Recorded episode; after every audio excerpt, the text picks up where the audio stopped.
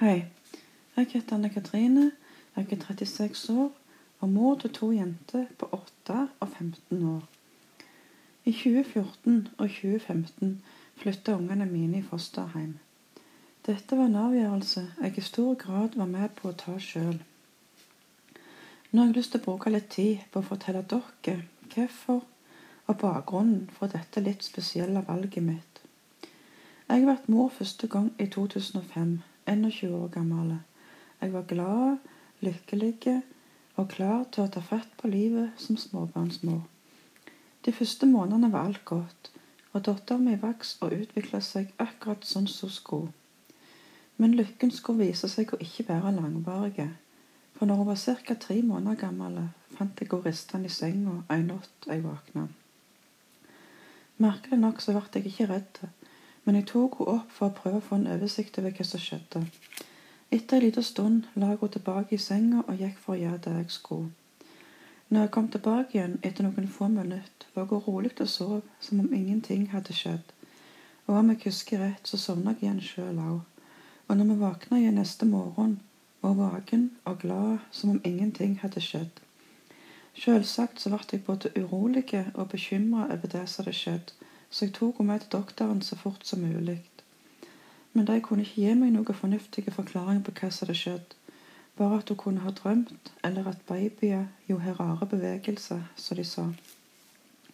Men datteren min var ikke frisk. Det fikk vi bekreftet seinere. Etter dette første anfallet begynte hun å utvikle en annen form for anfall, hvor kroppen hennes liksom datt i hop i rytmiske bevegelser med noen sekunds mellomrom. Dette kunne skje alt fra et par ganger til mange ganger daglig. Etter hvert begynte også den fysiske og mentale utviklingen hennes å stagnere. Etter at vi hadde gitt noen runder med helsesøstre, doktorer og diverse, så ble hun innlagt på Stavanger universitetssykehus i januar 2006 sju måneder gammel. Etter en lang rekke med undersøkelser, EEG, blodprøver og andre aktuelle undersøkelser, fikk hun til slutt diagnosen infantile spasme, eller West-syndrom, som det heter på fagspråket. Dette er en form for spedbarnsepilepsi som kan ramme spedbarn i inntil ett år. Det kalles også for katastrofal epilepsi, for det er mange av de ungene som får denne diagnosen, får store skadevirkninger. Faktisk så mange som 90% får en eller annen form for hjerneskade, og flere blir multihandikappa. Så det er en veldig alvorlig diagnose. For meg ei unge og nokså umoden mor, så var det vondt, vanskelig og tøft å forholde meg til dette, at jeg hadde en unge som ikke var frisk. Om vi skal få syke eller friske unger, det er jo selvfølgelig noen alle kan vite på forhånd, men det vanlige er jo at ungene er friske og det var også det jeg hadde sett for meg at min unge skulle være. Jeg var på ingen måte forberedt på det som venta meg. Hun begynte på medisiner som skulle fjerne anfallene, og det gjorde de òg, i ganske lang tid. I mange måneder fungerte medisiner godt, og jeg begynte å tro på at ting skulle gå rett vei. At den vanskelige tida nå var over. Der tok jeg feil.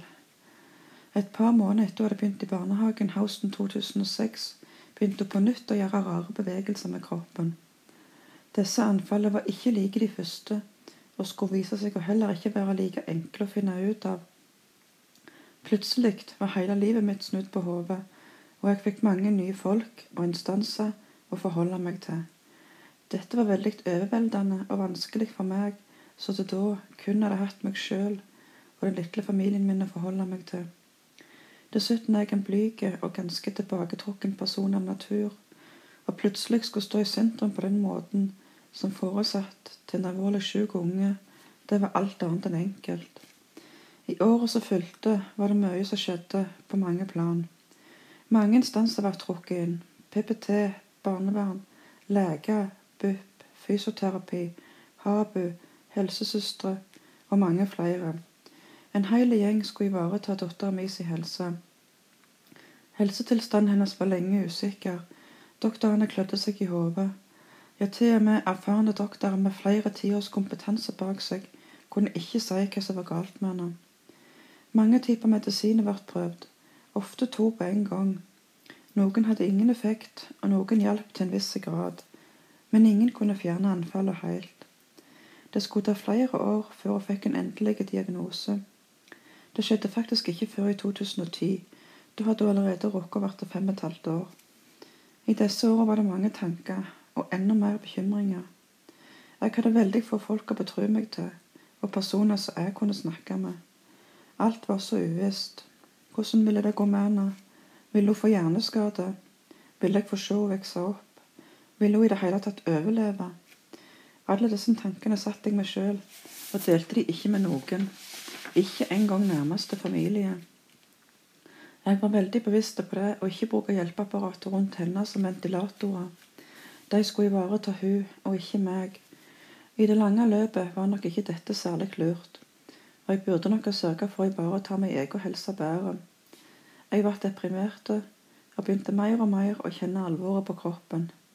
I perioder var jeg også sykemeldt for arbeidet mitt som renholder. Ting begynte å skli ut på flere plan, og etter hvert fikk jeg også store økonomiske problemer. Faktisk så store at det endte opp med en rettssak i slutten av 2010. Resultatet av denne saken ble katastrofale for meg, og jeg fikk virkelig kjenne på følelsen av å være fullstendig hjelpeløs. Det var helt forferdelig å stå på sidelinja og ikke kunne gjøre annet enn å se på at livet mitt ble plukket fullstendig i fillebiter. Samtidig med at alt dette skjedde, var meg og dattera mi to ganger i Oslo på Statens senter, som er et spesialsykehus for epilepsipasienter. Det var på den siste av disse turene at vi endelig fikk svar på hva som var galt med henne. Hun har en veldig sjelden genfeil som gir disse anfallene. Dette er en diagnose som kan gi flere forskjellige problemstillinger. Annet kan personer med denne genfeilen være ekstra utsatt for diagnoser som diabetes, fedme, autisme, lærevansker, i tillegg til litt andre ting. Men det kan holdes i sjakk med rette medisiner. Hun starta umiddelbart på nye medisiner, og ganske kjapt forsvant anfallene. Det var så klart en lettelse for meg. Det var veldig godt endelig å få svar på hva som var gale. Etter alle årene med vanvittige bekymringer og stor uro skulle ting endelig normalisere seg. Det var iallfall det jeg hadde sett før meg skulle skje. Våren 2010 fikk jeg etter mange år med helsemessige utfordringer endelig uføretrygd, så nå var den økonomiske beden også på plass. Lenge gikk det greit, og høsten 2011 ble jeg gravid for annen gang. Jeg var alene og ville derfor vært alenemor. Det var jeg klar over og klar for allerede fra starten.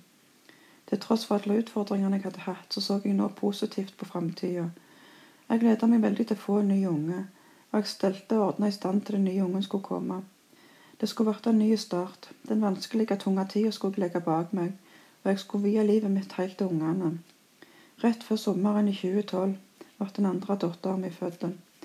Jeg var i ekstase, så fornøyd og glad både av å ha fått en ny unge og for at ting hadde gått så greit denne gangen. Jeg tok fatt på livet som nybakt tobarnsmor. De første ukene svarte til forventningene, men etter hvert fikk jeg kjenne på alvoret det var å være nybakt alenemor med to unger. Minstejenta ble født rett før sommerferien i 2012, noe som innebar at jeg hadde to unger helt alene en hel sommer, uten tilbud fra skole og SFO.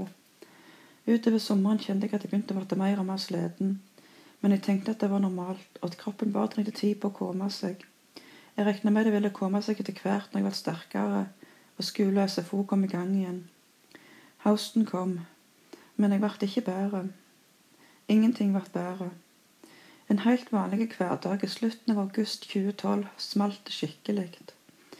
Noen kaller det å gå inn i veggen, men for meg ble det en veldig mild beskrivelse på hva jeg følte og opplevde. Jeg vil heller beskrive det som å stupe rett utfor stupet med hodet først.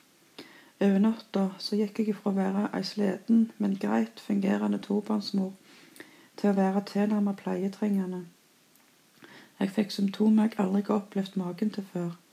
Jeg svimla, svetta, kroppen skalv og rista. Jeg verka i alt av muskler og ledd. Jeg var tungpusta, og jeg hadde kraftig verk i hodet og nakken. Trøttheten og utmattelsen var tilnærmet invalidiserende.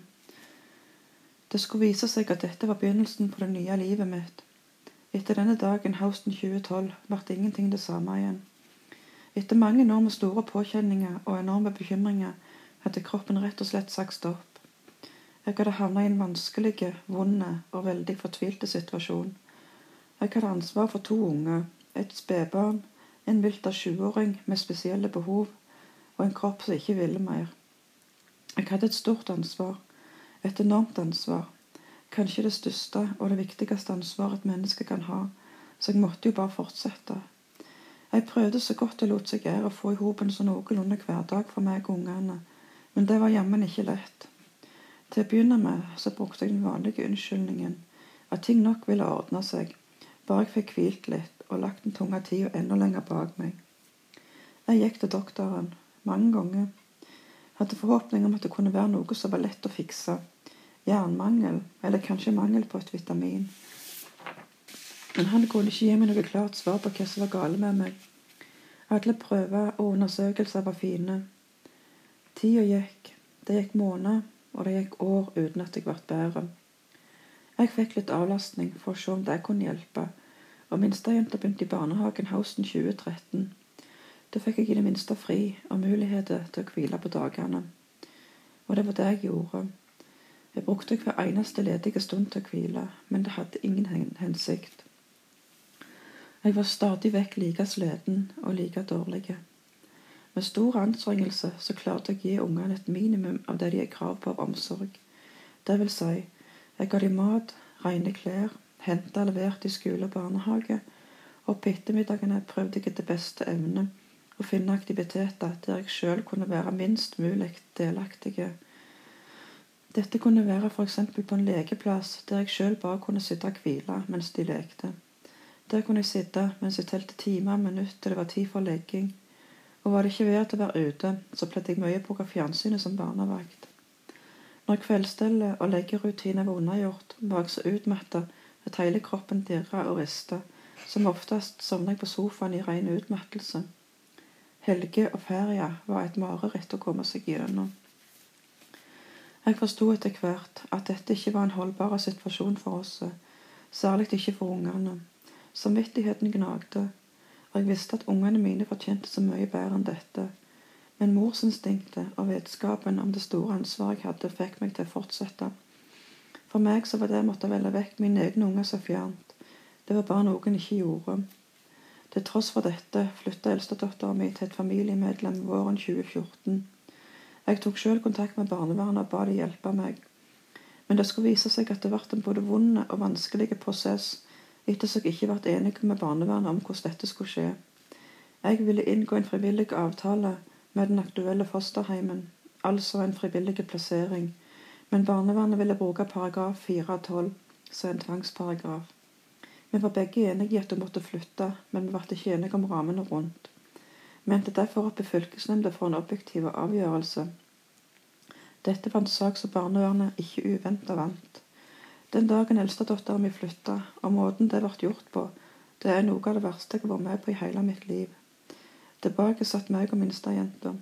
Og helt klart var det lettere bare å ha én unge å skulle ta seg av, i plassen for to. Og vi klarte oss greit ei lang stund. Jeg prøvde forskjellige tiltak for å få hverdagen til å fungere. Jeg flytta til en ny kommune, inn i en mindre leilighet for å lette renhold og vedlikehold. Minstejenta hadde fått til barnehageplass, og vi fikk litt avlastning men ikke nok. Jeg prøvde til beste evne, men det gikk dessverre ikke. Hun begynte å reagere på den passive tilværelsen min, hadde det tøft i barnehagen, hun utagerte og ble vanskelig å ha med å gjøre. Det endte ikke overraskende i en bekymringsmelding til barnevernet, og det vi har vært på vårparten i 2015. Etter en time undersøkelse bestemte barnevernet seg for å sette inn en barnepsykolog som skulle veilede oss. Vi fikk ikke hatt mer enn ett møte før ting skjedde veldig fort. Jeg fortalte om den tøffe og krevende hverdagen vår, hvor syk jeg var, og om storesøster som bodde i fosterhjem. Jeg sa jeg ser så godt at jeg klarer ikke dette, men jeg befinner meg i en tøff, vanskelig og helt umulig situasjon, der jeg for andre gang må ta et veldig tøft valg. Jeg vet jeg bør og må ta dette valget, men det sitter så langt inne måtte jeg gjennomføre det enda en gang. Jeg var i groen noe skeptisk til hele opplegget med psykologen. Jeg visste at det i seg selv ikke var nok for å bedre situasjonen vår, og at det for vår del var behov for langt større og inngripende tiltak. Men møtet skulle vise seg å være veldig verdifullt. Hun viste seg veldig stor forståelse og var enige med meg i at det ikke var mye hun kunne gjøre hos oss sånn situasjonen var nå. Hun ville likevel hjelpe oss og tok kontakt med barnevernet. Hun fortalte om besøket sitt, og at hun så at vi hadde behov for langt større og inngripende tiltak. Og som nevnt, etter dette gikk ting veldig fort. Jeg ble ganske raskt innkalt til en samtale, og om jeg husker rett, så var psykologen her med på dette møtet. Jeg hadde i lang tid slitt med at barnevernet ikke tok verken meg eller helsetilstanden min på alvor. Jeg opplevde at de hadde for stor tro på meg og min kompetanse som omsorgsperson. De mente at jeg bare var kommet inn i en litt ond sirkel, og at jeg hadde behov for litt starthjelp, at situasjonen ville bedre seg med litt veiledning. De var veldig restriktive i forhold til å gi meg avlastning. Jeg fikk bare ei helg i måneden, og det var på langt nær nok. Men etter samtalen med psykologen virka det som de våkna og endelig forsto hvor dårlige og akutte situasjonen vår faktisk var. De foreslo, etter litt vurdering, at datteren min skulle plasseres i midlertidige fosterhjem til å begynne med for ett år, for å se hvordan det gikk, og for å se hvordan helsetilstanden min utvikla seg. Og herifra skjedde mye på ganske kort tid. Fra dette møtet og til hun hadde flytta, gikk det vel ikke mer enn ca. en måned for meg var det i grunnen en ganske fin tid, selv om jeg selvfølgelig grudde meg veldig til det som skulle skje. Men det ble en veldig fin og god overgang, der jeg fikk hilse på fosterfamilien først, og fikk bli kjent med dem, før datteren min fikk hilse på dem. For meg så var det viktig å bli kjent med dem og se at hun skulle til en god og trygg familie. Den 15. oktober 2015 flytta hun inn i nye hjem. Den dagen hun flyttet inn i fosterheimen, står ennå for meg som den rareste og tøffeste dagen i mitt liv. Det som var vanskeligst, var at dattera mi, som da var tre og et halvt år gammel, nok ikke forsto stort av det som skulle skje. For hun begynte dagen som vanlig dag, som alle andre dager. Hun ble levert i barnehagen med forventning om at mamma skulle hente på ettermiddagen som før. Det gjorde jeg òg. Forskjellen denne dagen var at denne dagen skulle vi ikke hjem sånn som vi pleide. Jeg skulle hente henne, for så å levere henne i fosterheimen. I ettertid har jeg mange ganger tenkt på hva hun måtte ha følt den dagen. Og selv om alt skjedde veldig fint og forsiktig for seg, var det noen tøffe timer den ettermiddagen. Jeg vet at jeg i grunnen har vært heldig. Mange får ikke den muligheten å levere ungene sjøl. Og de fleste opplever nok langt større traume i forbindelse med omsorgsovertakelse. Men det var likevel tøft. Den første tida hadde jeg ganske tette samvær sånn at ikke overgangen skulle bli så brå. Jeg tror det var ca. en gang i uka, om jeg ikke husker feil. Etter hvert ble det en gang i måneden, og sånn var det vel til det var gått et år. På høsten 2016 skulle fosterhjemsplasseringen opp til vurdering igjen. Ettersom helsetilstanden min ikke hadde endra seg noe i løpet av det året jeg hadde vært alene, så ble det bestemt, med min velsignelse, at det beste ville være om hun fikk bo i fosterhjemmet permanent. Og sånn ble det. Hun bor der ennå, og har bodd der i nesten fem år. Vi faster faste samvær åtte ganger i året. I tillegg til dette kommer ekstrasamvær. Ett rett før sommeren og et juletreff med resten av familien. For meg personlig fungerer dette veldig godt. Og det føler jeg det gjør for datteren min òg. Det som ikke er så positivt igjen, er at det generelt sett legges til rette for altfor få familiesamvær. Jeg vet at resten av familien, altså tante, onkler, besteforeldre, oldeforeldre og ikke minst storesøster, lider under den påkjenningen dette er. Av den grunn har jeg sjøl til tider kjent på mye dårlig samvittighet. Meg og minstejenta har noen fine samvær når vi er i hop, og mange ganger har vi storesøster med oss. Vi går på lekeplasser, pizzabakeriet, legeland og har fine samtaler i hop. Hun er smart og oppvakte jente. Hun forstår mye av hva som har skjedd, og hun spør mye. Det syns jeg er fint, for hun er rett å vite hvordan ting henger i hop, og jeg svarer og forklarer så godt jeg kan. Ellers så prøvde jeg så godt jeg gikk å skaffe meg sjøl en så noenlunde verdig hverdag, til tross for alle helseplagene mine. At jeg hadde mer enn nok med meg sjøl, det fikk jeg på ekte kjenne på når jeg ble alene. Når jeg først var alene, så kunne jeg ikke for mitt bare liv forstå hvordan jeg hadde klart å stå i dette så lenge som jeg gjorde. Jeg tror rett og slett det må ha vært morsinstinktet og vissheten om det store ansvaret jeg hadde, som drev meg til å fortsette. Nå i ettertid er det ingen tvil om at valget var rett for oss. I 2016, rett over sommeren, kom et lite lyspunkt. Da fikk jeg endelig diagnosen kronisk utmattelsessyndrom. Jeg kunne endelig sette et navn på alle symptomene og utfordringene jeg hadde slitt med i året etter at yngste jenta ble født. Jeg tror nok det ble et lite vendepunkt for meg. I 2017 var jeg noen få år over 30, men totalt utsliten og veldig fortvilt over situasjonen min. Året med sykdom hadde tært på kreftene. Jeg satt og tenkte hvordan kommer det til å bli når jeg er 50, når jeg er så syk og sliten allerede som 33-åring? Vil jeg være i stand til å klare meg sjøl? Vil jeg bruke rullator? Jeg vil ikke i det hele tatt være i live når jeg er 50. Jeg spurte meg sjøl om det virkelig var helt umulig å bli bedre. Jeg bestemte meg for å gjøre et ærlig og tappert forsøk, og bestemte meg for å rydde opp både i hodet i omgivelsene rundt meg og prøve å gjøre noe med den fysiske formen min. Jeg begynte å gå småturer. Turer på 20-25 minutter var tungt. Men etter så tida gikk, så mestra jeg dette og oppdaga at formen ble bedre. Ja, ikke over natta. Det tok lang, lang tid. Men sakte og sikkert så merka jeg en bedring.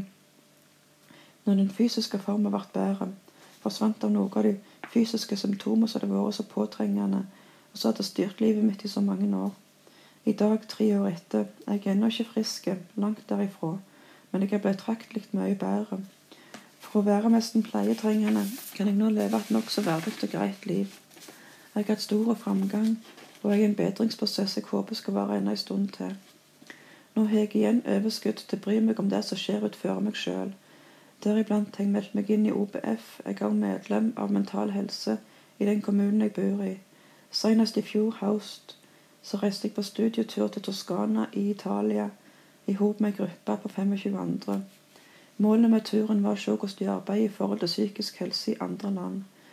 I tillegg arbeider jeg også i et arbeidsprosjekt i kommunen noen timer i uka. Dette er et prosjekt som er utarbeidet av Nav og kommunen, og retter seg inn mot å aktivisere uføretrygda. Dette ser jeg på som veldig godt og meningsfullt. På fritida går jeg bl.a. turer og trener yoga med litt planlegging i forhold til energisparing, så klarer jeg meg greit i hverdagen. Først til nå, i 2020. Seks år etter at eldstedatteren min flytta ifra meg, er jeg igjen i stand til å ha henne på overnatting. I dag er hun hos meg én natt i måneden. Hun er i dag 15 år gammel. Jeg har fått noen ettervirkninger etter sykdommen sin som spedbarn, men hun er ei fin, bestemte og tøff jente som fungerer veldig fint på sitt nivå. I dag er jeg i en god dialog med barnevernstjenesten som fosterheimsplasserte den yngste datteren min. Vi har jevnlige samtaler ca. fire ganger i året, hvor jeg får muligheten til å komme med innspill eller spørsmål, og det kjenner jeg på som veldig godt og trygt. Når det gjelder barnevernstjenesten som plasserte den eldste datteren min, har forholdene dessverre vært mer anstrengt. Jeg har i løpet av disse årene ikke fått tilbud om noen form for oppfølging, og de har ikke på noe tidspunkt tatt kontakt med meg utenom en gang når jeg fikk tilsendt et visittkort i forbindelse med skifte av saksbehandler. Og med ett tilfelle tok jeg sjøl kontakt. Da var det kun for å ta opp en spesifikk sak. Jeg kunne selvfølgelig ta kontakt sjøl, forlangt at de holdt meg oppdaterte på hva som skjer rundt datteren min, men jeg er for stolt til det. Jeg ser på det som deres oppgave å ta kontakt med meg, holde meg informerte, og eventuelt tilby meg oppfølging. Når jeg ser tilbake i dag, er det ingenting av det jeg har gjort jeg angrer på. Jeg vet det var rett og nødvendig for at mine unger skulle få oppleve å leve et verdig liv og få lov til å være unge.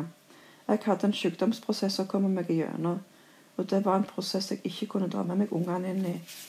Det var en prosess jeg var nødt til å gå gjennom alene. Jeg vet det var rett, og jeg vet det var viktig. Føler jeg skam? Ja, jeg føler skam for at jeg ikke klarte å takle noe så enkelt og åpenbart som morsrollen, en rolle de aller fleste kommer seg gjennom uten større problemer. Jeg har dårlig samvittighet overfor familien min, som så altfor sjelden får se den yngste datteren min.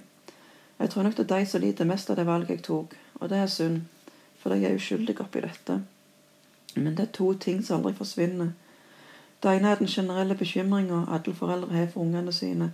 Hvordan de har det, hvordan de går på skolen, frykt for at noe skal skje, eller at de skal bli syke. Sånne tanker er like framtredende sjøl i dag når ungene ikke bor hjemme lenger. Det andre er den dårlige samvittigheten for alt det ungene mine måtte gjennomgå den tida de bodde hos meg. Den samvittigheten forsvinner aldri. Dette var i grunnen en ganske kort versjon av mitt liv de siste 15 åra. Skulle jeg gi mer detaljert inn i dette, jeg redde det vel borte altfor langt. Men jeg tror likevel jeg er klar til å få med meg det mest vesentlige. Noen helt få har visst. Noen annet, men ikke visst. Noen har sett at noe var gale, men ikke visst hva. Og noen har ikke visst noen ting. Dette er første gangen jeg forteller åpent om hva som har skjedd, og hva jeg har vært gjennom. Takk for at dere ville lytte til meg, og takk for at jeg fikk fortelle. Dette var min historie.